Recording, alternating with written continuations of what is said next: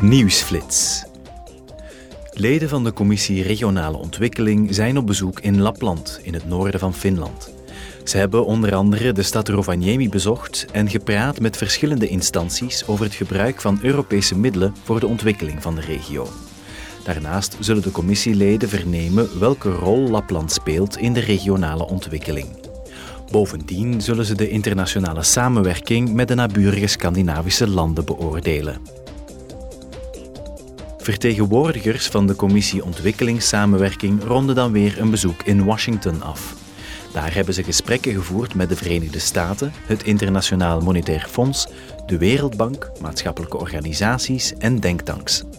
De nadruk lag daarbij op de crisissen in Sub-Saharaans Afrika en ontwikkelingslanden in andere delen van de wereld. Tot slot zal een delegatie van de bijzondere commissie COVID-19-pandemie vandaag en morgen in Ethiopië aanwezig zijn. In de hoofdstad Addis Abeba zullen de delegatieleden van gedachten wisselen met vertegenwoordigers van verschillende organisaties.